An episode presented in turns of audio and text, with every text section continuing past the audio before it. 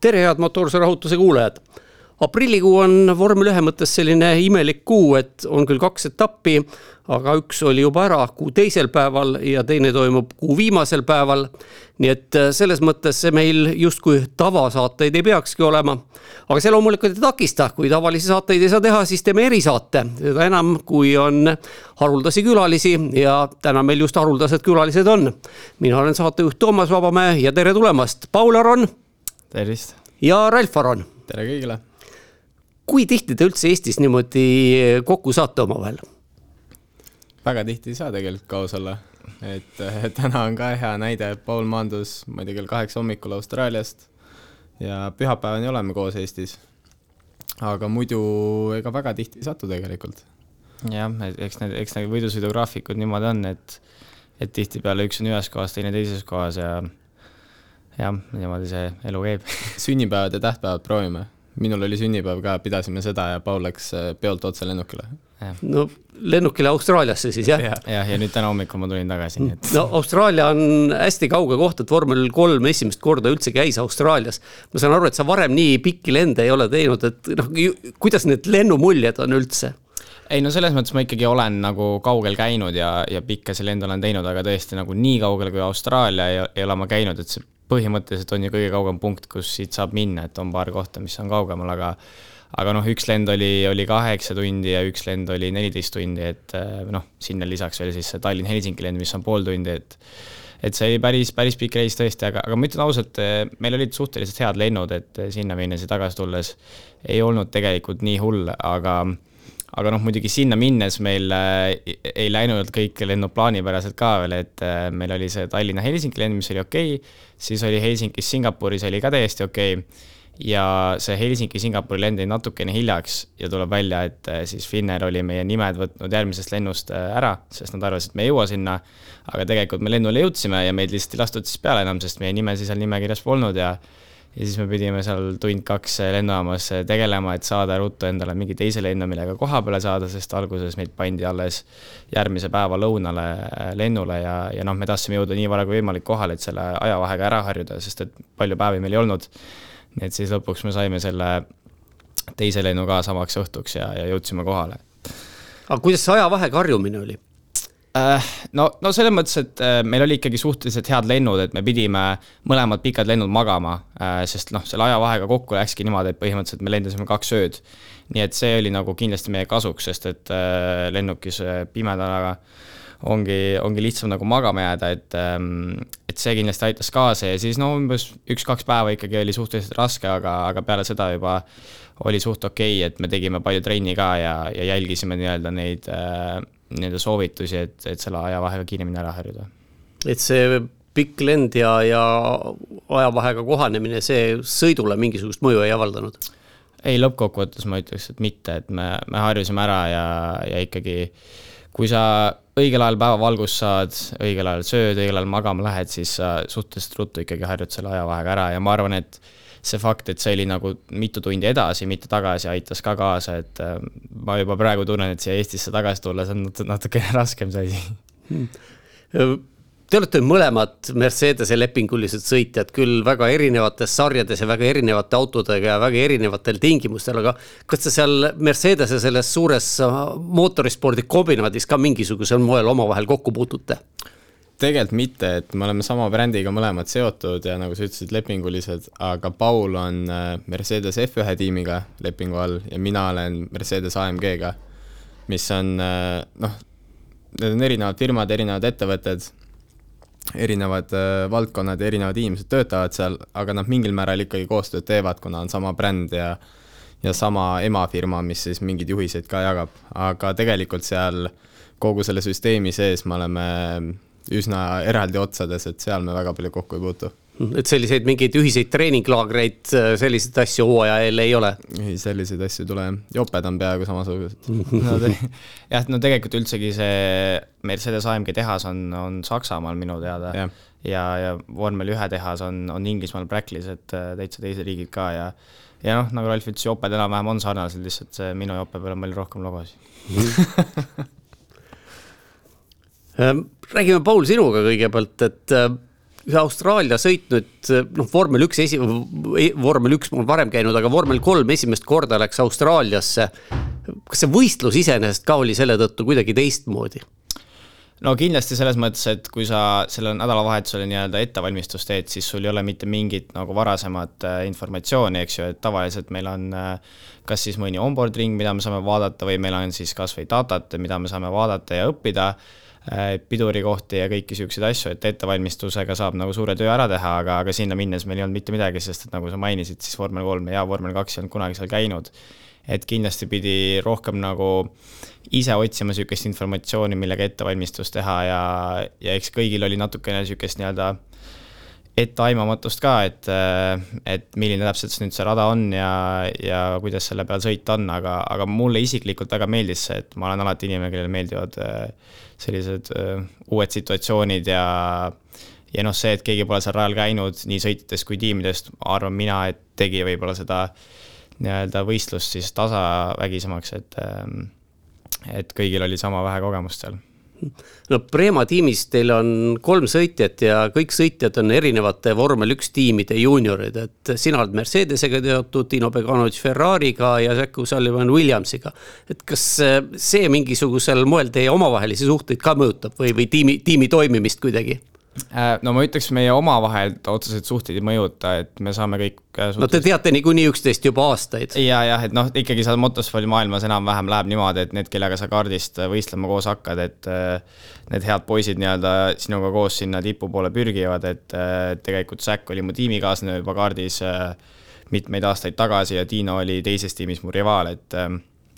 et ma tean neid poisse juba suhteliselt pikalt, aga aga vahepeal on ikka naljakas, kui, kui kõik need nii-öelda vormel ühe tiimi liikmed tulevad sinna telgi alla korra ja siis sa vaatad, et ühes nurgas on on kõik punane ja Ferrari ja ühes nurgas on paar Williamsi inimest ja siis ühes nurgas on kõik valge ja on, ja on Mersu inimesed, et et selles mõttes on see päris äge. no Beganovitšiga saite seal kohe sprindisõidus esimesel ringil vist enam-vähem kolmandas kurvis saite kokku omavahel ja, ja pärast läks see ka žüriile arutada, see vahejuhtum, noh, tõsi küll, selgus, et oli võistlusolukord, ei midagi. aga kas see tuli ka tiimi sõidujärgsel koosolekul kuidagi omavahel jutuks? ja see situatsioon oli tegelikult lõpupoole, et see oli äh, turvaauto siis äh, restardil äh, oligi jah, kurv kolmes, et ähm, ähm, noh, nagu selles mõttes me, eks me mainisime seda ikkagi, aga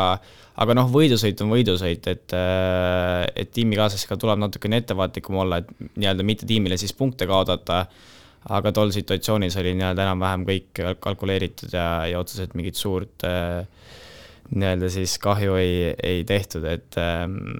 ma arvan, et eriti siin spordis on väga tähtis aru saada, et need asjad, mis toimuvad raja peal, rajalt eemal, on, on erinevad ja ma arvan, et sellepärast näiteks mina isiklikult olengi Tinoga pikalt läbi, hästi, hästi läbi saanud pikalt, sellepärast et et me suudame nagu eristada seda, mis toimub raja peal ja seda, mis toimub rajalt väljas, et et ikkagi, kui sa oled raja peal, siis sa sõidad nii-öelda enda eest, muidugi see tiim tuleb ka mängu, aga ikkagi iga, igaüks pürgib oma, oma karjääri äh, ja rajalt väljaspool, siis oled ikkagi nii-öelda nagu inimene, et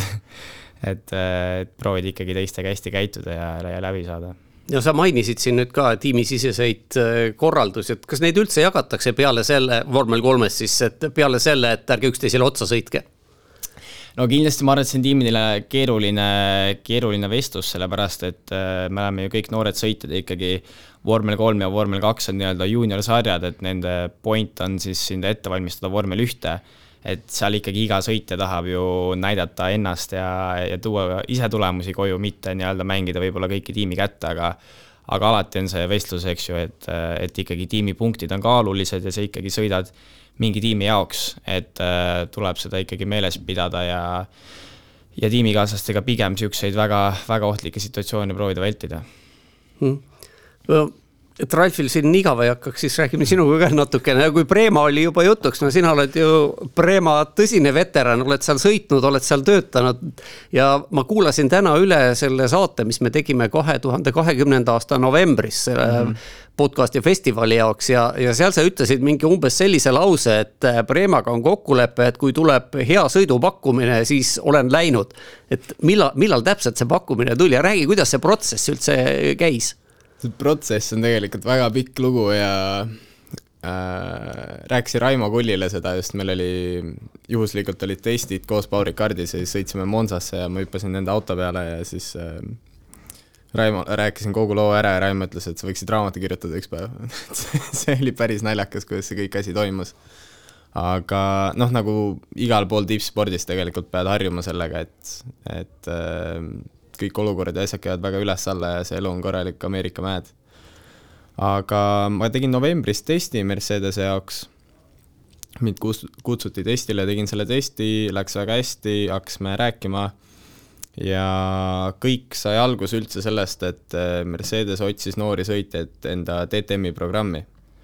Ja meil juba liikus kõik väga hästi, aga siis detsembris DTM müüdi maha, seal oli omanikuvahetus, suur jama sponsorid kadusid ära ja hästi palju teadmatust oli, nii et jaanuaris tundus, et tegelikult ei saa mitte midagi sellest. aga jaanuari lõpus äh, võttis asi uuesti tuurid üles ja veebruari alguses sai väga reaalseks. Ja niipea, kui nagu tundus, et see on ikkagi reaalne asi, siis ma hakkasin tegutsema sellega, et Premast võimalikult puhtalt äh, kõik asjad üle anda kas seal Mercedese poole pealt, noh, oli teil mingisugune selline, tihtipeale on sellised noh, seda ei saa võidusõiduks nimetada, aga shootout, mingi selline asi ka oli? no see ei olnud otseselt, nad ei nimetanud seda shootout'iks, aga kui ma seal testil käisin novembris, see oligi ainult Mersu rajapäev, seal olid kõik Mersu tipp-GT tiimid, kõik tehasesõitjad olid kohal ja siis oli terve rodu noori sõitjaid kohal. ja noh, nad ei nimeta seda välja, aga nad kõiki meid võrdlevad ja mulle saadeti report ka pärast nagu meie sõiduvõrdluste vahel ja eks sealt nagu see huvi tekkiski, et mul tuli hästi välja. ja palju, kolm juuniorit võeti nüüd juurde sinna programmi, et kui palju neid tahtjaid sinna üldse oli, oli sul mingisugune arusaam? ma arvan, et neid on palju jah, ja noh, selle programm... no kes ei tahaks Mercedese tehase tiimis olla? jaa, et eks kõik seal, eriti GT maailmas, kõigi eesmärk on siiski saada tehase lepingule, et see, kuidas see kõik süsteem töötab, kõikidel tootjatel on väga sarnane süsteem. Äh, tootjatel on tiimid, kes sõidavad nende autodega võidu ja erinevatele tiimidele tootjad pakuvad erinevat äh, tuge. on see finantsiline, on see varuosad, on see tehniline, insenerid ja alati on ka sõitjad seotud seal. et äh, profitiimidele, isegi nendele amatööritiimidele antakse pro-sõitjaid. ja see on osa sellest, osa sellest tugi, toest, mis neile antakse ja kui sa tahad heades autodes olla ja võidu sõita, siis sa pead mingi tehasega seotud olema enamasti, et neid kohti saada. Et selliseid professionaalseid sõidukohti, kus ei ole tehas kuidagi seotud, on väga vähe. Sina oled nüüd äh, staad-, äh, oma staatuse järgi juuniorsõitja, lisaks mm -hmm. sellele on seal üksteist äh, kuidas see oli? nimetavad, on performance. Performance ja siis oli veel kaks eksperti, kes yeah. on siis konkreetsetele radadele, üks on Ameerikas ja teine on, on Nordschleifele keskendunud, nagu ma aru saan. tegelikult see on pigem selle järgi, et mis lepingu all kõik on et eksperdid on, nad nimetavad neid ekspertideks, aga need on rohkem natuke freelance äh,, freelance sõitjad, kellega Mersul on pikaaegne koostöö olnud äh,. Performance on siis see täispauk tehase tiimi sõitja, mitte midagi muud kellegi teise jaoks ei tee. ja juuniorid on äh,, Mercedes üritabki ehitada sellist süsteemi, et nad võtavad juuniori sisse, siis alguses oled juunior ja pead ennast tõestama nii-öelda ja siis saad päris selleks tehase tiimi sõitjaks. aga noh, reaalsus on see, et ehm, juunioril ja juunioril on ka vahe, et eh, ma olen küll juunior, aga nendes tiimides, kus ma sõidan see aasta, ma olen ikkagi see pro-sõitja nii-öelda ja käitume täpselt samamoodi ka, nagu ma oleks see performance sõitja. no vot, nüüd sa tõidki selle sisse, et GT maailmas noh, tavakuulaja, ilmselt isegi motoorse rahutuse kuulaja, kes võidusõidu osas kindlasti on haritum kui, kui keskmine tossukulutaja, siis seal need äh, natukene teistsugused äh, seaduspärad kehtivad, noh näiteks see, kuidas sõitjaid kategoriseeritakse, sina, nagu ma aru saan, oled, oled kuldkategooria sõitja. jah, ma olen kuld, et seal on äh, pronks, hõbe, kuld ja platinum. Ja pronks on siis äh, enamjaolt amatöörid äh,, vanust peaks olema rohkem kui kolmkümmend. Ja pronkssõitjad on tegelikult see, mille peal GT maailm suuresti toimib, et need ongi džentelmenid, jõukad inimesed, kes tahavad võidu sõita, kes ei ole varem sellega tegelenud, sisenevad. Äh, hõbesõitjad on, äh, need on enamasti noored sõitjad, siis alla kolmkümmend, kellel on mingi võidusõidukogemus all, äh, aga ei ole nagu veel midagi saavutanud ja siis kuld on kõik teised sõitjad, kes on midagi saavutanud, see on tulemuste järgi ka, et jälgitakse tulemusi, jälgitakse su kiirust ja siis kategoriseeritakse. ja noh, mina olen kuld selle tõttu, et äh, mul on vormel kolmes neid sõiduvõite ja see vormel nelja tiitel, siis mind pandi kohe kulda. Paul oleks ka arvatavasti kuld. ja Platinum on äh, sõitja, kes on olnud tehase lepingu all. Et sa siis põhimõtteliselt tuleval aastal oleksid siis Platinum juba? No põhimõtteliselt küll, aga tegelikult natuke parem on, kui ma jääks kulla alla, nii et me proovime seda mängida nii, et ma jään kullaks no Martin Rump näiteks rääkis, et tema on hõbe. -hmm. ma vaatasin kategooriast järgi, tõesti eestlasi on üldse kuus tükki oli, oli, kellel on kategooria antud, Kevin Kurjus muuseas on ka kuld veel. Yeah.. et tema, tema on hõbe ja, ja see süsteem on just nimelt selline, et see, sellised kiired hõbedad, et need on tohutult hinnas. Väga,. väga-väga tahetud, et mul, mulle helistati iga aasta, et kuule, kas sa saad enda kategooria hõbedaks, et näe, siin on see koht, kus saaksid võidu sõita. Hmm.. ei saanud? ei saanud. No selge sa oled nüüd erinevaid neid GT3 autosid ka sõitnud, äh, proovinud, eelmisel aastal sõitsite Palangas, äh, olite mõlemad Audiga, enne seda oled Porsche't proovinud, Porsche oli küll vist kapi Porsche, aga noh, ta on, on laias laastus sama auto. noh, nüüd on Mercedes, mis on veel kontseptsioonilt täiesti erinev, et oskad sa neid kuidagi, kuidagi võrrelda? jaa, siis ma olen Lamborghiniga sõitnud, mis on praktiliselt Audi ja Ferrari'ga ka aga jah, Mercedes on üks nagu enim hinnatud neid GT3 autosid tegelikult. ja naljakas on see, et see mootor, mida me kasutame, on väga vana, see on see vana AMG kuue koma kahe liitrine V8 vabalt hingav, nii et see rada, see auto teeb ülimalt vinget häält, kui tööle läheb, niisugune nagu mehine, tugev, madal hääl on. Aga ta on hästi hinnatud auto, sellepärast temaga on üsnagi lihtne sõita, eriti just amatöörsõitjatel ja nendel pronkssõitjatel sest ta on väga stabiilne, hea aerodünaamika ja, ja kõik elektroonika nagu toimib väga lihtsalt uh,. mis nende vahed on, noh, tegelikult neil on üllatavalt suured uh, erinevused sõiduomadustel ja kõikides nendes sarjades neid autosid siis võrdsustatakse sellise asjaga, mille nimi on BOP, Balance of Performance, korraldajad siis mängivad autode jõudude ja kaaludega, et erinevad tootjate autod oleksid uh, võrdsed enam-vähem sõidus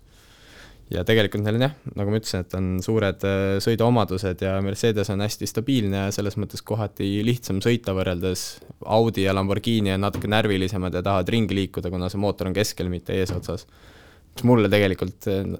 istub väga hästi, aga, aga jah, Mersuga on väga hea sõita ka üks mitmeid GT3 autosid proovinud sõitja rääkis mulle kunagi Mercedese kohta, et äh, noh, lisaks nendele sõiduomadustele, et põhimõtteliselt ta on tugev nagu tank, et lased üle äärekivide suhteliselt suvaliselt, teisest otsast tuleb alati tervena välja. eelmine oli, praegune ei ole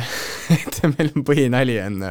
Versus sõitjatega on see, et me olime just, ma olin eelmine nädal AMG-s Saksamaal, kõik sõitjad olime koos seal ja tegime erinevaid äh, inseneridega erinevaid koosolekuid ka, arutasime seal auto kohta, mida arendada, kuna nad vaikselt hakkavad uut autot arendama ja põhinali oligi see, et kui see auto tööle läheb, noh, see kuue koma kahe liitrine V8 teeb väga mehist häält ja auto näeb ka korralik tank välja. aga tegelikult, kui raja peal teed väikse kontakti, siis Mersu on üks nõrgemaid autosid üldse, et kuna see esisplitter on väga suur, kui kellelegi tagant natuke sisse sõidad ja splitter ära kaob, siis on kohe pool aerodünaamikat läinud. väga raske, kuna äh, väljalase tuleb kõrvalt, mis on ka ülivinge, öösel tulevad leegid, viskavad autol kõrvalt välja, on ju. Aga kui teed kõrvalt äh, kontakti ja ta natuke selle väljalaske ära painutab, siis kõik see kuum õhk jookseb tagapiduritesse, tagarehvid kuumenevad üle, jälle täis probleem ja,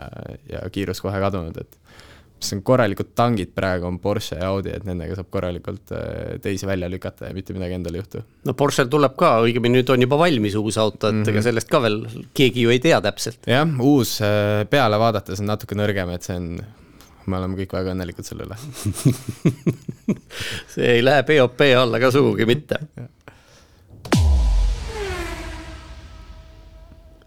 Paul, räägime sinu tegemistest nüüd ka veel Melbourne'i pika sõidu, noh, teil küll nendel sõitude pikkusel teab, kui suurt vahet ei ole, aga nimetatakse ühte, ühte sprindiks ja teist põhisõiduks või mina ütlen pikaks sõiduks. seal näidati sinuga ka ühte enne salvestatud klippi, kui sa rääkisid, kuidas, kuidas ja mida turvaauto rajal oleku ajal teha tuleb et ma vaatasin, see oligi siis just täpselt sel hetkel lastigi eetrisse, kui turvaauto oli väljas mm. -hmm. et turvaautot oled sa nüüd sel aastal saanud ikka kõvasti maitsta aga Bahreinis mulle tundus, et seal sul oli just nimelt raskusi pärast seda, kui turvaauto rajalt ära läks, et äh, räägi, mis, mis toimus? Ähm, jah, no ütleme, et see Bahreini ja äh, Austraalia situatsioon on täiesti äh, teistsugune, et ähm, turvaauto taga üks kõige nii-öelda suuremaid nii-öelda siis challenge eid on, on oma rehvide temperatuuris hoidmine, et sa ei sõida sellel kiirusel, mis sa muidu võidusõidul sõidaks ja, ja rehvid tahavad maha jahtuda, et et siis peab väga palju tööd tegema, et neid rehve nii-öelda õigel temperatuuril hoida. ja Bahreinis eh, tegelikult ma suutsin selle turvaauto taga oma rehvid üle teha. Eh, mis noh, muidugi meil on ju kõik andurid ja asjad ka ja, ja insener näeb ka eh, rehvi rõhke ja asju ja, ja rõhkude järgi oli kõik nagu okei okay aga ma isiklikult tundsin, et ma teen nagu natukene liiga palju seal turvaauto taga nendele rehvidele, aga sain nii-öelda siis infot tiimi käest, et ei ole, et võib rohkem teha.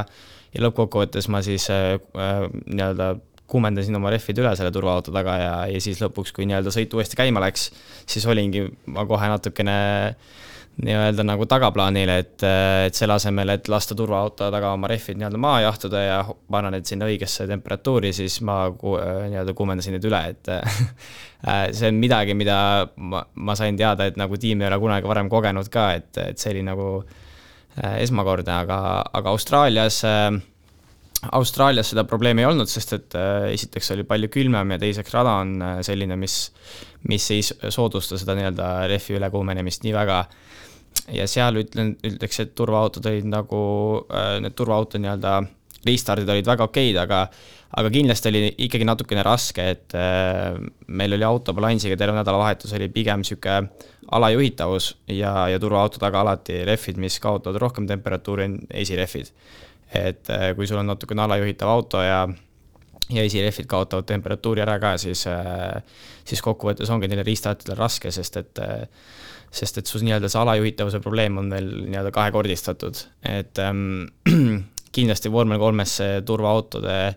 restartimine on, on väga suur äh, oskus ja väga tähtis oskus, sest neid turvaautosid, nagu sa mainisid, tuleb väga palju, et nendel vormel kolme autodel on, on DRS samamoodi nagu vormel ühel aga, aga jälitada on palju lihtsam kui vormel ühega, nii et kokkuvõttes see DRS-i võimsus on nii palju tugevam ja seda võidusõitu on nii palju rohkem, et kui sa seal ühe sekundi sees oled ja esiautol ei ole DRS-i, siis põhimõtteliselt mingi vähe pikema sirge lõpuks oled sa juba taga nii-öelda kõrvuti, et võidusõitu on väga palju, sellepärast on ka väga palju õnnetusi ja ja sellepärast ka väga palju neid turvaautosid ja ja siis nende nii-öelda turvaautode restartimisel on on väga tähtis, et sa suudad äh, siis pigem edasi liikuda, kui äh, nii-öelda kohti kaotada. No sa tõid rehvidest juttu juba mängu ja räägime siis sel teemal edasi, et äh, vormel kahes ja vormel kolmes, noh kahes just eriti, aga kolmes siiski ka see, kui sõitjad tulevad eelmisest sarjast, no mis iganes see siis ka ei juhtu olema, siis rehvidega harjumine kipub, noh, mõnel, mõni saab kiiremini hakkama, mõni saab äh,, läheb kauem aega, aga see on üks väga tähtis oskus, et kas sul on see nüüd käes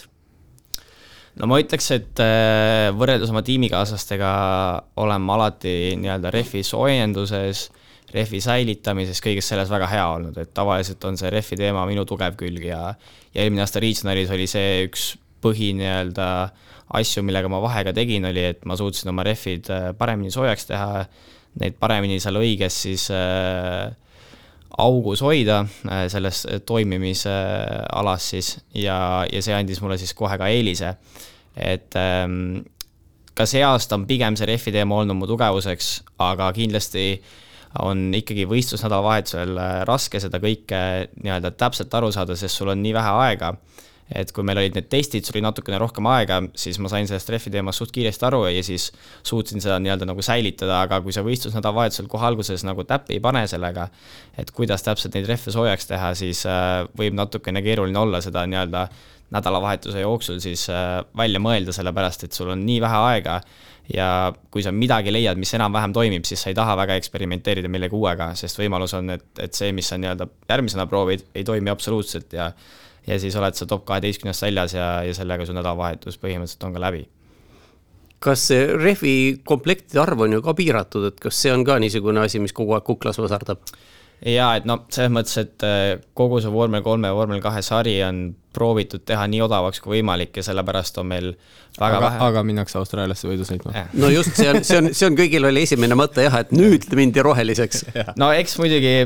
kui, kui nendel organisaatoritel on mingit äh, kasu mingist asjast, eks siis äh, neid käiku viiakse, aga, aga jah, üldpildis proovitakse hoida seda seda kulu madala, madalana ja, ja sellepärast siis on meil väga vähe sõiduaega üks trenn, mis on nelikümmend viis minutit ja otse kvalifikatsiooni ja ka vähe rehve, et äh, tavaliselt meil on äh, neli jooksurehve siis nädalavahetuseks. Ähm, ja siis vastavalt rajal on erinevad strateegiad, kuidas neid rehve siis nii-öelda kasutad, et mõne, mõndadele radadele saab veel siis ühe kasutatud rehvi seti siis kaasa võtta Äh, eelmisest rajast. eelmisest rajast, jah. et see on siis, kui see rada, millel sa eelmisena sõitsid, sellel oli siis kõvem äh, rehvi jooks. et meil on vormel kolmes ka juba erinevad nii-öelda äh, rehvisegud, meil on siis hard, soft ja medium. ja kui siis eelneval etapil sa kasutasid näiteks hard'i ja tulevasel etapil kasutatakse medium'it, siis sa võid selle ühe kasutatud hard'i äh, Äh, jooksu kaasa võtta, ehk siis sinna järgmisele etapile, aga muidu jah, sa saad neli uut äh, üheks nädalavahetuseks ja standard on siis panna kaks äh, trennis ja kaks kvalis ja siis need kaks kvali oma sa kasutad siis sõitudes. Bahreinis näiteks me tegime niimoodi, et meil oli äh, trennis oli üks jooks ja kvalis me panime kaks jooksu ja siis äh, üks uus jooks jäi meil ühele sõidule et paljud teised tiimid panid kvalifikatsioonis kolm setti rehve ja siis neil olidki, mõlemas sõidus olid nii-öelda kasutatud rehvid, sest nad kasutasid ühe trennis ja kolm kvalifikatsioonis. Ja meil oli siis üks trennis, mida me kasutasime, kahte kasutasime kvalifikatsioonis ja siis sellega meil üks uus jooks jäi sõidule, äh, mis siis andis meile siis natukene eelist, et äh, seal juba tuleb ka natukene strateegia mängu no see rehvide teema on ilmselt ka see, et kui inimesed loevad, et äh, treeningu tulemused, noh, teil on küll üks ainukene vaba treening, et treeningu tulemused on nii ja naasugused, siis tegelikult väga paljuski võibki sõltuda see treeningu tulemus just nimelt rehvide kasutamisest. Jah, et noh, selles mõttes, et kui keegi paneb, äh, näiteks Austraalias täpselt oligi, et äh, lõppkokkuvõttes seda tulemust ei näinud, aga aga näiteks Mini pani äh, selles trennis siis kaks jooksurehve ja, ja ta oleks pika puuga olnud seal trennis esimene, aga ta pani oma viimasel ringil seal uue jooksu, uue rehvi jooksuga pani siis eelviimases kurvis välja ja sellega ta ring lõppes, aga aga ta oli siis pika puuga kõige kiirem ja ja see oli sellepärast, et ta pani teise äh, jooksu neid uusi rehve, et meie näiteks panimegi ainult äh, ühe jooksurehve ja muidugi oleks meie aeg olnud siis aeglasem kui äh, teine vend, kes pani siis äh, trenni lõpus veel ühe nagu jooksu neid rehve, et et need trenniajad otseselt kõige nagu nii-öelda tähtsamad ei ole ja sulle just seda kõige õigemat informatsiooni ei anna. hüppame nüüd Ralfi juurde ka jälle tagasi, et vahepeal sa võtsid siin ise sõna, aga Ralf, kas sa tead, mida tähendab lift and coast? muidugi no vot, see ei ole sugugi nii muidugi, ma kunagi rääkisin ühe, ühe sõitjaga, kes oli ka noh, põhimõtteliselt umbes sinu moodi karjääri teinud ja oli oma esimesel võistlusel juba ja oli rajale minemas, kusjuures ta ei olnud startija. ja tiim ütles talle, et kuule, nüüd lähed rajale, et on vaja lift and coast teha kütuse säästmiseks. ja ta vaeseke ei olnud kunagi kuulnud, mida see tähendab. aga, aga sai hakkama. no, et äh, tahad ma seletan, mis on lift and coast äkki? no seleta jah, mina tean, aga, aga võib-olla kuulajad ei tea. Lift and coast on äh, väga lihtne erinevates sarjades äh, on noh, kütusekulu on alati teema, võidusõiduautodes enamasti see nii suur teema ei ole ja kõik annavad täiega minna, aga see tuleb äh, oluliseks äh, elemendiks siis, kui näiteks on pikamaasõidud, kus on mitu boksi peatust, kus on tankimised ka mängus äh,, ja eks kütusestrateegiaga äh, saab strateegiat muuta nii-öelda. küsimus ei ole selles, et, et mitte, et kütust ei jagu, vaid küsimus on tankimise kestuses. täpselt, et kui kaua sa saad rajal olla, oletame, et tavastint ehk siis kaua sa oled ühe korra ühe paagiga väljas, on kuskil rajal on näiteks kolmteist ringi, aga noh, tiimid arvutavad seda, meil on suured simulatsioonid selle jaoks. Äh, kui teed piisavalt lift and coast'i ehk siis kütuse säästmist siis äkki saad olla neliteist ringi väljas ja sa saad äh, enda strateegia lahku viia enda konkurentidest, äh, poksipeatuseid erineval ajal teha ja see annab igasuguseid võimalusi, et oletame, oleneb reeglitest jälle, aga oletame, et äh, sa jääd ühe ringi kauem välja ja siis tuleb safety car ja sina saad safety car'i ajal boksis käia, see annab jubeda eelise, et sellepärast mängitakse. ja lift and coast ise on väga lihtne, et äh, kui sõidad täie gaasiga sirge all, oled juba tippkiiruse enam-vähem saavutanud ja enne pidurdust, näiteks kakssada meetrit enne pidurdust tõstad gaasi jalapedaalilt ära kulutad oluliselt vähem kütust, aga kaotad väga vähe aega, sellepärast sa niikuinii varsti pidurdad ja see kiirus enam-vähem säilib. lisaks säästad pidureid. jah, lisaks säästab pidureid ja lisaks mõnikord on autobalanss parem, sellepärast et kui piduritele lähed, siis ei ole nii palju kaalujaotust tagant ette. Et, et kõik siuksed asjad kokku, aga lift and coast väga lihtsalt on äh, lased gaasi maha õigetes hetkedes, äh, kus sa ei kaota väga palju aega, aga suudad kütust säästa ja teine kontrollküsimus on mul veel, et kas sa Nordschleifel ka sõitnud juba oled? sõitsin, eelmine nädalavahetus. nii palju? Äh, ma olen kaks etappi nüüd seal teinud, et Nordschleifel võistelda kiirete autodega. selle jaoks on eraldi litsentsi vaja, mis on väga hea süsteem, sest see on väga karm rada. Ja selle jaoks, et see litsents saada, ma pidin ühe vähe aeglasema BMW-ga seal võidu sõitma kaks korda mm. -hmm aga kui sa nüüd selle väga või mõnevõrra aeglasema BMW-ga sinna läksid, enne seda sa ilmselt simulaatoris nühkisid ka omajagu? oh,. mitte omajagu, kodus on meil väike simulaator, seal sõitsin tund aega, aga rohkem ei nühkinud no siis sa läksid ikka üsna külmalt peale, mul, miks ma seda küsin jälle, on see, et äh, Jacques Villeneuve kunagi rääkis vist tol ajal, kui ta oli Sauberi sõitja, siis ta kutsuti ka sinna kahekümne nelja tunni sõidule sõitma. ja siis ta hakkas rada harjutama simulaatoris, aga kurtis, et äh, noh, esimene kolmandik rajast oli väga hästi selge. teine kolmandik oli niimoodi enam-vähem, aga kolmandast ei teadnud suurt midagi, sest sinna kunagi ei jõudnud. ja, ja see on, mul oli täpselt sama asi, sest simulaatoriga on see ka, et äh, noh, midagi ei juhtu, kui välja paned, siis hakkad kohe suruma ja sa tahad nagu kõik kurvid sõita nii kiiresti kui võimalik, noh, aga see rada on nii raske. sõidadki esimese sektori võib-olla kiiresti ja teise kolmandiku sõidad kiiresti, aga siis iga kord läheb lappama, et see, et simulaatoris nagu tõsiselt võtta seda asja on ka omaette oskus no selle Nürburgringi kahekümne nelja tunni sõidu kõrval, see on mõnes mõttes võib öelda, et Mercedese jaoks ilmselt on see hooaja kõrgpunkt üleüldse kõige tähtsam võistlus kogu aastas jaa, et äh, Nürburgring kakskümmend neli tundi on väga tähtis, Spa kakskümmend neli tundi on väga tähtis. Daytona kakskümmend neli tundi on väga tähtis, et need kolm etappi on kindlasti. no tänavu sa sinna enam ei saa, aga. Daytona oli juba ära jah, aga Nürburgringile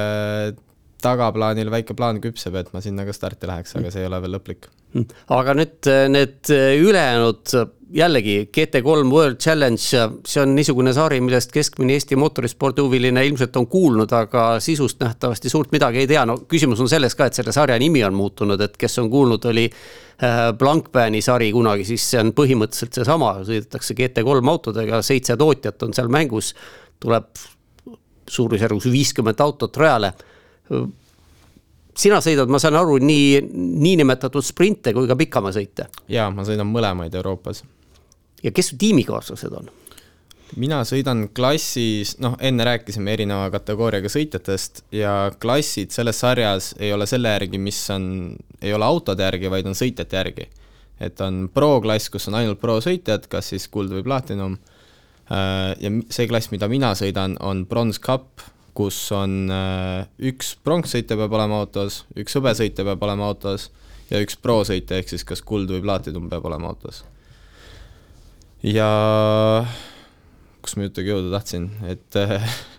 et jah, et äh, kes su tiimikaaslased on? jah, kes mu tiimikaaslased on, aga autod, kõik rajal on sama klassi autod, kõik on GT3 autod, aga klassidesse on jaotatud sõitjate järgi ja minu üks tiimikaaslane pronkssõitja on Rima Džufali, kes on Saudi Araabiast pärit ta on esimene naine, kes sai Saudi Araabias autojuhiload, kes sai võidusõidu litsentsi ja ta on väga,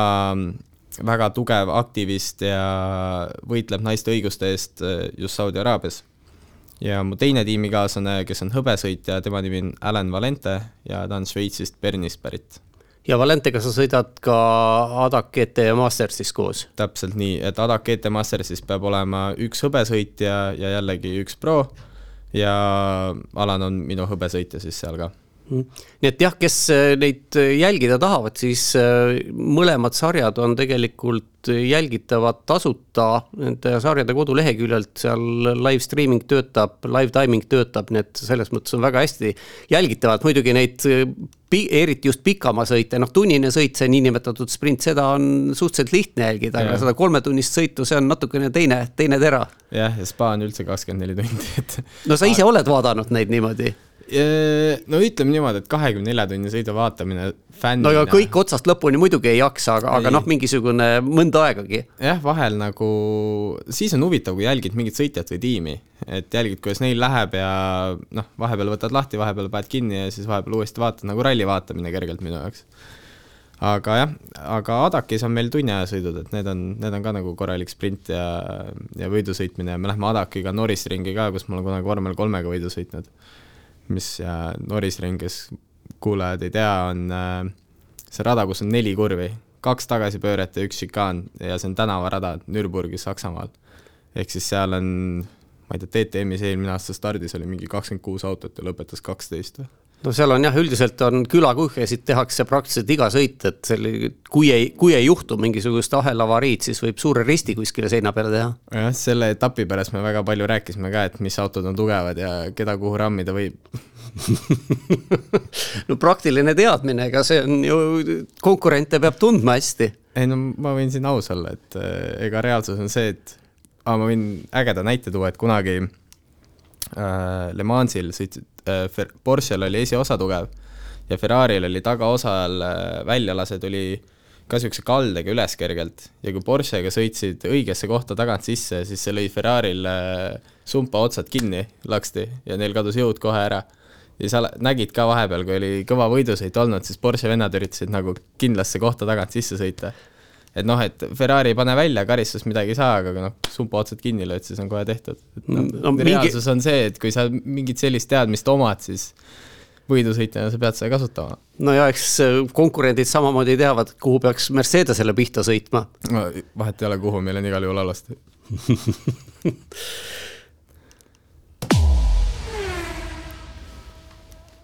nii, Paul, mm,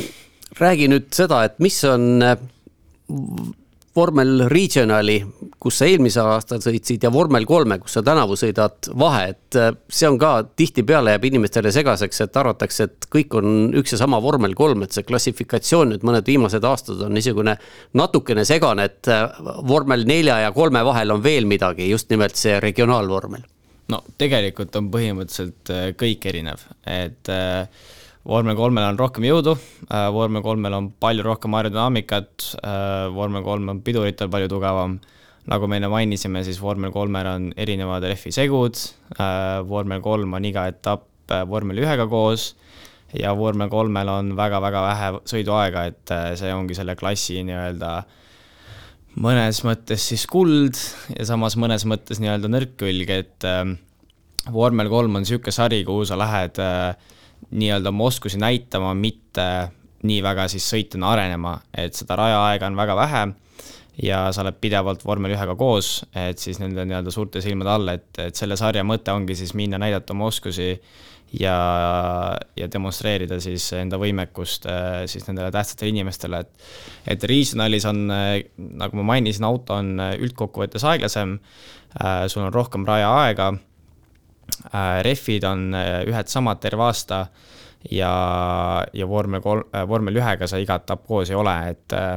natukene vähem võib-olla sellist pinget, rohkem sõiduaega, rohkem võimalust sulle kui sõitjana areneda. et ta on võib-olla siis,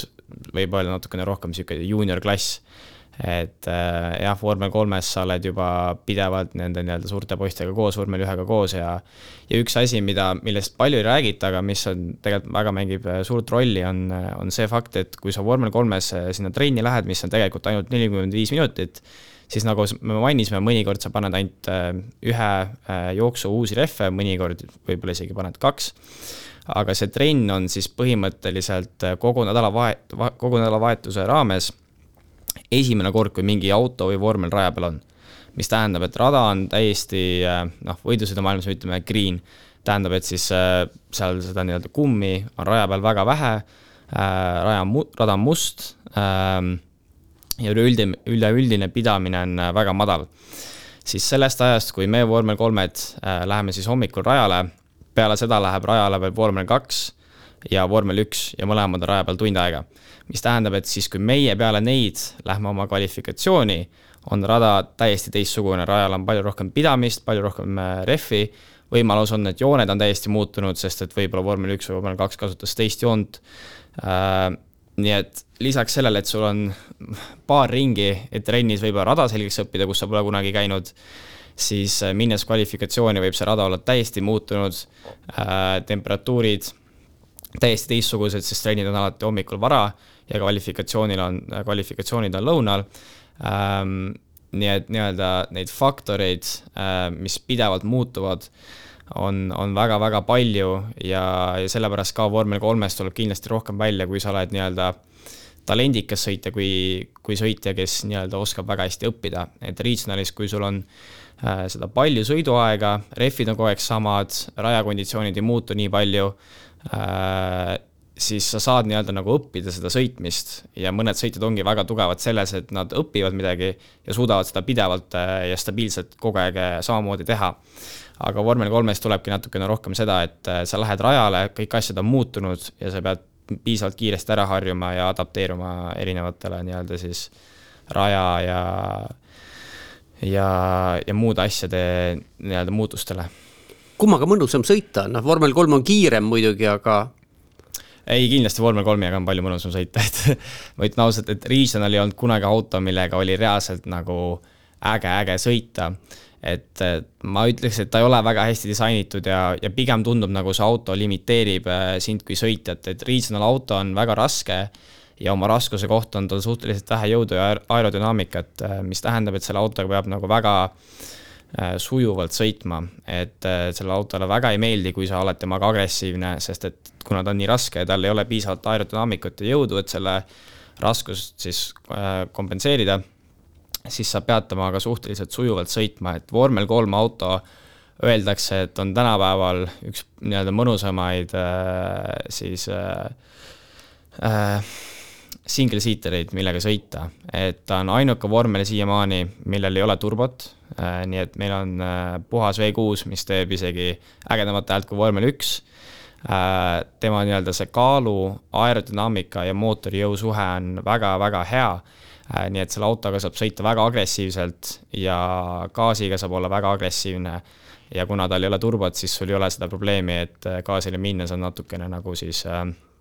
delay'd, et see turbo äh, siis tööle hakkaks, et ähm, et sõidutunde poolest on kindlasti see vormelauto nagu väga-väga mõnus ja ja öeldakse, et kõik sõitjad, kes lähevad vormel kahte ja kes tulevad äh, vormel neljast või Reasonist, ütlevad, et vormel kolm oli kindlasti nende lemmikauto, millega sõita. Ähm, hooaja eel, see oli siis pärast teste ja enne esimest võistlust sa andsid ühe intervjuu, kus ütlesid umbes, et äh, testi tulemuste põhjal olen favoriit mina, et ma olen selle arvamusega täiesti nõus, aga noh, inimesed. Äh, ma arvan, et paljud inimesed mõistsid seda valesti, et vaat nüüd, kus kukkus suurustama, eks ole, pole veel ise midagi saavutanud, noh. nüüd esimesed võistlused ei ole läinud kõige parem, noh midagi hullu ka muidugi ei ole, aga võite ka veel ei ole, et kuidas sa ise seda situatsiooni vaatad? Äh, no selles mõttes ma ikkagi tunnen ennast enesekindlalt et äh, see on ikkagi tehnikasport, et äh, siin mängivad ka rolli muud faktorid. ja, ja need esimesed kaks etappi on kindlasti nii-öelda kogu aasta raames väga teistsugused, et see esimene etapp Bahreinis, on väga omamoodi rada, väga kuumad temperatuurid ja teine etapp siis seal Austraalias, samamoodi rada, kus me pole kunagi käinud, tänavarada, asfalt on väga teistsugune et need on, ütleme, niisugused nagu wildcard'id ähm,. ja, ja need rajad, kus me tegelikult testisime, nagu näiteks Jerez ja, ja rada, kus ma siis paar aastat tagasi testisin Valencias äh,, kus ma sain ka selle vormel kolme autoga sõita, on siis nii-öelda need Euroopa rajad ja nii-öelda ütleme, seal Euroopa radadel on alati natukene midagi omamoodi, et see asfalt ise äh,, need äh, konditsioonid, temperatuurid äh, ja ütleme, need, kuidas need, äh, need viisid, kuidas need rajad on ehitatud, on kõik natukene teistsugused nendest nii-öelda siis wildcard idest. ja, ja need on siis need nii-öelda konditsioonid, kus ma tunnen, et siis nii mina kui ka tiim peaks nagu siis esile tulema, et see vormel kolm on väga sari, kus peab olema stabiilne et ähm, tihtipeale võidab selle sarja sõitja, kes suudab pidevalt tuua punkte koju ja mitte sõitja, kes on, kes on siis äh, nagu selgelt kõige kiirem, et äh, tõsi on, et esimesed kaks etappi võib-olla ei ole kõige tugevamad olnud, aga sellegipoolest oleme me ikkagi tublisti punkte toonud ja, ja säilitanud selle võimaluse, et nüüd, kui toimub see samm ja me saavutame selle kiiruse, mida me nii-öelda siis äh, ootame äh, ja, ja suudame neid võite hakata saavutama, siis äh, siis oleme me juba praegu sellises situatsioonis, et meil on võimalus ikkagi see sari väga hästi lõpetada. sa enne juba mainisid siin jutu sees, et paljude sõitjatega oled olnud juba kaardist saati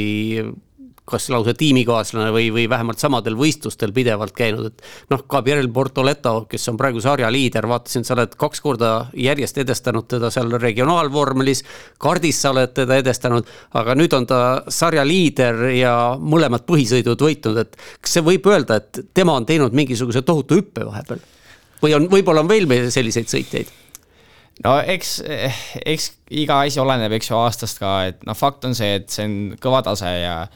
ja ma arvan, et väga paljud sõitjad seal on võimelised võitma, aga siis tuleb muidugi mängu, et kellele mis sobib paremini. Ja nagu me varem mainisime, on see ikkagi tehnikasport, nii et tulevad ka mängu, mis tiimiga sa sõidad, tulevad mängu, mis mootori sa saad, kõik sellised asjad, et äh, kui sa nüüd küsid, et kas ma arvan, et Gabriel Portolet on teinud nüüd eelmistest aastatest räige sammu siia aastasse ja sellepärast ta võidab, siis äh, ei, seda ma ei arva äh, aga kui ma peaks nüüd sulle ütlema, miks ta nii kiire on ja äh,, ja miks ta need kaks võitu on saavutanud, siis no Trident on ju kõva tiim. jah, et ma otseselt sulle nii-öelda nagu selget vastust ei saa anda, et ma ei usu, et ta sõitjana oleks parem kui mina, aga äh, võib-olla on ta praegu lihtsalt tublimat tööd teinud ja, ja võib-olla on ka Trident tublimat tööd teinud, et täpselt me seda ei tea, aga aga otseselt ma nii-öelda Prema võimakuses ei äh, nii-öelda muret ei tunne, et äh, võib-olla, nagu ma mainisin, ei ole me praegu kõige tugevamad olnud, aga, aga ma olen kindel, et me suudame need probleemid ära lahendada. Ja mina isiklikult tunnen, et nende kahe esimese etapiga olen ma väga palju õppinud ja arenenud, et äh, selle asemel, et proovida siis nii-öelda minna sõi-, äh, kohe hakata sõite võitma, aga samas on ka võimalus, et sa teed suure vea ja kogu nädalavahetus on läbi ja olen ma proovinud läheneda sellele aastale rohkem, et äh, äh, nii-öelda ehitada seda stabiilsust, ehitada seda enesekindlust ja tuua pidevalt punkte koju ja lõpuks, kui sa tunned ennast piisavalt mugavalt, siis hakata nagu pidevalt neid siis väga, väga häid äh, nii-öelda siis äh, saavutusi äh, tooma, et ähm, et nagu ma mainisin, see vormel kolme sari on väga pikk, sul on väga vähe rajaaega ja, ja stabiilsus on väga tähtis, et, äh, et ei ole mõtet liiga vara proovida hakata liiga palju võtma. no Prema tugevuses ei ole kahtlust, kui vaadata nagu ajaloole tagasi või, või kasvõi sinu numbrile, et number üks on ju, Prema autod on üks, kaks, kolm ja sinul on üks tänu sellele, et Prema oli eelmisel aastal tiimide võitja, et muuseas, kuidas see number üks sulle sattus, kas, kas sa said ise valida või, või öeldi sulle, et sina oled nüüd number üks? ei no selles mõttes ähm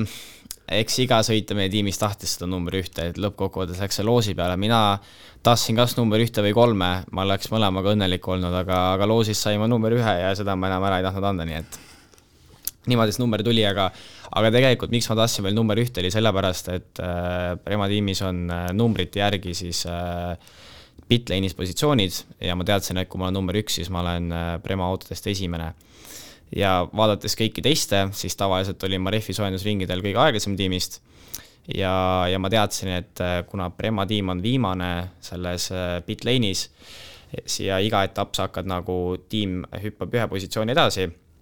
siis need viimased tiimid tulevad meie taha. ja kui mina olen nüüd selle soe, rehvisoojendusringil kõige aeglasem ja need viimased tiimid, äh, viimaste tiimide autod tahavad minust mööda sõita ja ma alustan oma kvalifikatsiooniringi nende tagant, siis see on äh, minu jaoks väga suur risk ja, ja see fakt, et mul on kaks Prema autot minu taga, kes nii-öelda siis kaitsevad mind, oli minu silmis siis suur eelis, et sellepärast ma tahtsin ka seda number ühte, et võib-olla natukene taktikaline, taktikaline positsioon ka, aga noh, selles mõttes number ühte alati äge, äge kanda. no see taktika, boksi, boksist väljasõitmise taktikaline nüanss, see on väga põnev. see tõesti, ma tean, et on Macaus on see alati, et sul on vaja, et sa oleksid boksist väljasõidule kõige lähemal, et siis on võimalus, et võimalus suurem, et sul õnnestub enne punast lippu oma kiire ringi ära teha kvalifikatsioonis. aga noh, tuleb välja, et see on mujal ka kehtib Mercedese juunioride programmi sõitja oled sa, kas Mercedes on sulle pannud mingisugused numbrilised eesmärgid ka, kuhu sa pead jõudma? no mitte otseselt, Mercedes ei ole kunagi midagi sellist teinud, et äh, nende lähenemine on alati natukene tagasihoidlikum, et nad ei taha sulle liiga palju pinget panna, nad tahavad sulle anda võimaluse iseennast tõestada, nii et ka see aasta otseselt mingeid nagu äh, kirja pandud äh, numbreid ei ole, et kus ma lõpetama peaks, aga, aga selles mõttes need eeldused on suhteliselt selged nii minule kui ka neile, et ähm, soov oleks ikkagi see aasta lõpetada seal äh, eesotsas ja ja mina isiklikult äh, sooviks ikkagi sinna top kolme, top kolme jõuda, et äh, et nagu ma mainisin, siis Volmer on sari, kus sa ikkagi lähed juba ennast vaikselt tõestama, mitte otseselt nii-öelda siis äh, arenema. et kindlasti seda arengut toimib, toimub ja kuna see on ikkagi sari, kus tuleb väga palju uusi nüansse mängu, siis äh, see, see areng peab toimuma, aga, aga lõppkokkuvõttes seda nii-öelda baasoskust ja oma talenti äh, pead sa ikkagi suutma juba ühe aastaga nagu näidata. nii, teeme nüüd Ralfiga ka natukene juttu jälle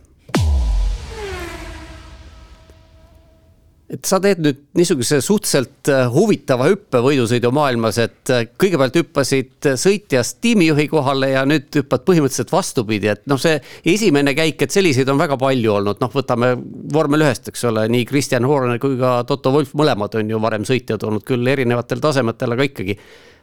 mida see praegune käik sulle kaasa annab, mida sa võtad sealt äh, tiimijuhi ametist kaasa, mida teistel ei ole? oh, hea küsimus äh, ma ei tea, mida ma täpselt kaasa võtan, no mis ma kaasa võtan, on kogemused ja teadmised, et äh,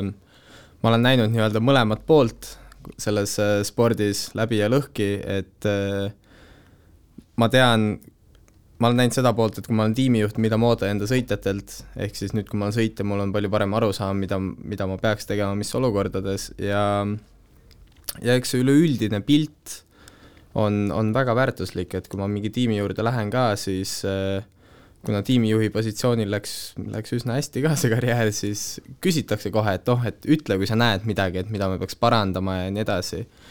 et, äh, et annab kõike seda juurde, hästi palju väikseid nüansse ja kõik need, kõik need asjad kokku. ja väga palju enesekindlust annab juurde mm mõnikord öeldakse, et äh, võidusõitja karjäär muutub siis edukaks, äh, kui ta ei pea tiimi ise raha tooma, vaid hakkab, hakkab sealt raha teenima juba, võetakse palgale, et äh, kuidas sul nüüd on see, et kas sa pead ise veel finantseerima? ei pea, et siis, siis ma ei oleks seda lüket teinud, et mis mina mõtlesingi hea võimaluse all, oligi see, et mulle pakuti teha see tiimisõitja kohta, ehk siis see ongi minu igapäevatöö nüüd, ma sõidan võidu, ma saan selle eest palka, minu kui sõitja töö on ennast ette valmistada, tiimi aidata, et võimalikult hea tulemus koju tuua no põhimõtteliselt on see, mille nimel sa oled, ma ei tea, kui mitmendast aast-, eluaastast alates tegutsenud? täpselt nii, võib-olla mitte täpselt sellel tasemel, kus ma kunagi tahtsin olla, aga, aga ma olen väga rahul sellega, kus ma olen. no kui sellised sõitjad noh, Tom Kristensen on kõige parem näide, eks ole, et äh, üheksakordne Le Mani kahekümne nelja tunni sõidu võitja, no tema ka üritas ka vormel ühte äh, jõuda. ma ei usu, et ta kahetseb. ei, ma arvan, et ta ei kahetse üldse ja tegelikult äh, noh, vormel üks on il-, ilmselgelt motospordimaailma tipp, eriti praegu, see on jälle väga tugevas kasvavas trendis, siis kokkuvõttes motosport on see on minu kirg ja motospordis on väga palju muid vingeid võidusõite ka, nagu me mainisime, Nürburgring kakskümmend neli, Spa kakskümmend neli, Le Mans, Daytona, need on uskumatult vinged võidusõidud väga,, väga-väga rasked, need on midagi sellist, et eh, noh, ma olen ise Le Mansi läbi teinud kui tiimijuhina, et see pingelangus ja kõik see, kõik, mis sealt seotud on, ma ei ole kuskil mujal midagi sellist kogenud. Ja, ja praegu ma olen sellises positsioonis, kus kui ma tubli olen, siis ma saan kõikidel nendel osaleda kunagi kas sa seda ei kahetse, et äh, äkki sa varem sinnapoole ei vaadanud, et vahepeal see paus sisse tuli? Äh, mõtled GT maailma või? ei kahetse, ma ei kahetse midagi tegelikult, mis ma teinud olen, et äh, kaks tuhat kaheksateist aasta lõpus oli keeruline aasta, asjad ei läinud hästi, mul oli kergelt öeldes, ma olin väga pettunud paljude inimestega seal maailmas ja ma tahtsin sealt minema saada. aga ei saanud minema ja läksin lihtsalt teisele poole aga ma ei kahetse üldse, sellepärast et äh,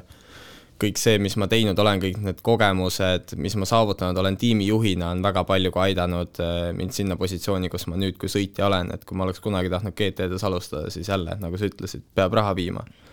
ja ma võtsin kaks tuhat kaheksateist aasta lõpus selge arusaama, et äh, ma ei vii kellelegi mitte sentigi enam. Ja kui ma üldse seal olen, siis ma tahan raha teenida sealt no sa viisid juba kahe tuhande kaheksateistkümnendal aastal juttu, Mikk Schumacher oli üks sinu konkurentidest ja tiimikaaslastest. Tema vormel üks karjäär, mina arvan, et on noh, põhimõtteliselt lõppenud, ma ei usu, et ta enam põhisõitjaks saab, aga kas sa oled äh, üllatunud selle üle, et see ainult kaks aastat kestis? ma ei tea, kas ma üllatunud, noh nüüd Mikk tuli sinna mersuprogrammi Pauli ette tilbenema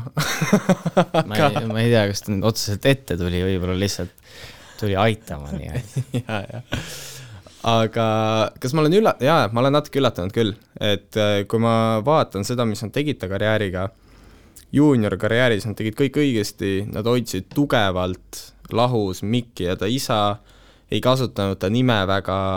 nagu noh, ta nime igal juhul kasutati, kuna see on nii suur nimi, aga nad ise ei surunud seda ja pigem üritasid maha vaikida.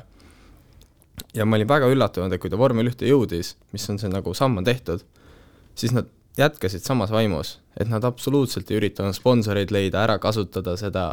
kes ta on kui isik ja reaalsus selles spordis on see, et äh,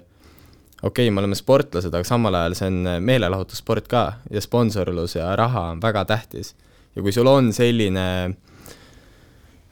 sul on selline aktsia põhimõtteliselt, nagu see nimi on, miks sa ei kasuta seda ära enam tollel hetkel, nagu noh, noorena see on arusaadav, et sa ei taha lisasurvet ja tahad kõike seda manageerida, aga sa oled juba F1-s, kõik see surve, see on juba niikuinii nii tipus, et sa ei saa enam hullemaks minna. kasuta ära kõik, mis sul on, leidke kõik see raha, mis on ja leidke endale parimad võimalused. ja nad ei teinud seda. et äh, ma olen sellest küll natuke üllatunud, kindlasti nagu ma ei ole selles üllatunud, et ta väga palju õnnetusi tegi, sest see oli tal noorena ka teemas, aga ta tegi tavaliselt hästi palju õnnetusi sellel ajal, kui ta õppis ja siis ta kuidagi alati õppis ära, rahunes maha ja oli vastupidine, hästi no eelmisel aastal põhimõtteliselt kuskilt poole hooaja pealt see plõks käis nagu ära mm. -hmm, aga oli küll jah ja kuna neil ei olnud äh, raha ei olnud. raha ei olnud, poliitilist võimu nad ei olnud seal kokku korjanud nii palju, kui, kui ma arvan, et neil oli võimalus korjata, siis äh, seal nüüd ta on. Aga nüüd ma küsin teise sõitja kohta, keda sa kahe tuhande kahekümnendal aastal selles novembrikuises saates piiritult kiitsid, Oskar Piastri mm,. jah yeah mis ma ütlesin, kas ta, ma olin vormel kolmes siis veel, on ju? jaa, jaa. kas ma ütlesin, et jõuab F1-te kindlalt või? seda vist otseselt jutuks ei tulnud, aga sa kiitsid teda, et ta nagu suudab ennast absoluutselt, kui autosse istub, siis lülitab kõikidest muudest välistest mõjuritest eemale, et ükskõik kui kehv mingid jamad enne olid, alati nagu teeb oma ära. ja, ja, et kuulajatele, ma olin kaks tuhat kakskümmend Covidi ajal, ma olin paar etappi Prema vormel kolme tiimijuht. ja Piastri oli üks sõitja, Vesti teine ja Logan Sargent kolmas. jah, Piastri tuli jutuks, vist küsisid, keda, kes on minu meelest noortest praegu just. kõige parem. ja ma olen suur Piastri fänn, ka siiamaani seisan selle, selle kõrval, mis ma kunagi ütlesin ja kus ta nüüd McLarenis on, see ei ole lihtne positsioon, sellepärast et äh, Lando Norris manager on Zac Brown, kindlasti McLaren on väga õnnelik, kui Piastri on seal kümnendik äh, Landost aeglasem, et äh, Norris saab nende staar edasi olla aga ma loodan seda, et Piastri saab võimalikult palju õppida seal radari all nii-öelda ja, ja tuua neid tulemusi, et, et püsida seal, kus ta on ja et ta mingi hetk saab võimaluse, kus tema on esisõitja ja siis ma tahan küll näha, mis ta teha suudab. Hmm. no sa tõid Frederik Vesti ka juba nime mängu, temast on nüüd saanud ootamatult Pauli nii-öelda tiimikaaslane. kas no Mercedesel see noorteprogramm on teistmoodi kui Red Bullil, aga, aga kas mingisugune niisugune omavaheline võrdlus teil ka käib? Ähm,? nii-öelda Mercedese programmi poolt ise mingit võrdlust, ma ei tea, vähemalt mulle mainitud ei ole, eks neil, eks neil endil äh, suletud uste taga ikka on, aga, aga noh, nii-öelda meile otseselt seda ei mainita, et noh, näiteks Red Bull, mida nad hästi palju teevad, ongi, et nad panevad alati vähemalt kaks sõitjat äh, ühte sarja kokku et tekitada see rivaalsus ja vaadata siis nii-öelda. no vormel kahes on see nüüd natukene üle, üle piiride läinud. natuke üle võlli läinud. pool, pool pool gridist on, on Red Bull, aga, aga jah, otseselt niimoodi meil see asi ei käi, aga eks noh, muidugi ikka sa hoiad silma peal ju äh, teistel nii-öelda rivaalidel, kes siis võitlevad selle vormel ühe positsiooni peale, aga aga siiamaani ma ei ole otseselt äh, vestiga nii-öelda muret tundnud, et mm. Kui tihti te seal üldse kokku saate, noh, te ju võistlustel olete niikuinii, eks ole, samas, kas teil on seal oma selle Mercedese juuniori programmi mingisugused koosolekud ka koha peal? ei, kohapeal ei ole ja, ja üldkokkuvõttes me pigem saame vähem kokku, et noh, nüüd see aasta, kuna ta sõidab ka Premas ja vormel kaks ja vormel kolm on koos, siis siis me näeme üksteist rohkem nagu näiteks üldsegi seal Austraalias oli, oli vormel kolmel ja vormel kahe sõitjatel oli ühine see nii-öelda sõitjate tuba, et eh, siis me pidevalt olime seal koos, aga aga noh, võistlusnädalavahetusel sa väga palju teiste sõitjatega nii-öelda juttu ei räägi, et noh, eks igaüks on omas mullis ja, ja, ja tegeleb oma asjadega, et ma ütleks, et isegi meil vormel kolme sõitjatel on suhteliselt hea nagu suhtlus omavahel ja ja me oleme kõik suht nii-öelda relaxed ja suudame isegi nalja teha ja, ja nautida seda aega seal koos, kui ma vaatan näiteks neid vormel kahe poisse, eriti Vesti, kes on kuidagi sihuke hästi, sõitja, kellel peab olema kõik väga paigas, et tal on kindel struktuur, kõik asjad kindlal kellaajal, kindlaid asju sööb, kindlaid asju joob väga,, väga-väga struktureeritud inimene et siis temaga nagu mingit nalja teha või juttu rääkida selle nädalavahetuse ajal on väga-väga võimatu Öeldakse, et eestlased on külmad ja tuimad inimesed, aga te ei ole vestiga kokku puutunud veel. nojah, ega taanlased vist ei ole väga teistsugused aga ta ei ole külm ja tuim selles mõttes, et tal on suva, vaid äh, lihtsalt selles mõttes, et ta võtab distsiplineeritult seda... ja teadlikult. jah, jah selge, me oleme nüüd oma tunnikese juttu ajanud, erisaatel on see täpselt paras pikkus. aitäh, Paul ja Ralf Aron, et saite motoorsesse rahutusse tulla, loodame, et millalgi saame teiega koos jälle vestelda ja kui hooaeg millalgi läbi lõpp, läbi saab, ühel varem, teisel hiljem, siis on põhjust vast ka optimistlikumalt tagasi vaadata. hea meelega, suur aitäh kutsumast. aitäh. aitäh teile ja aitäh ka kõigile kuulajatele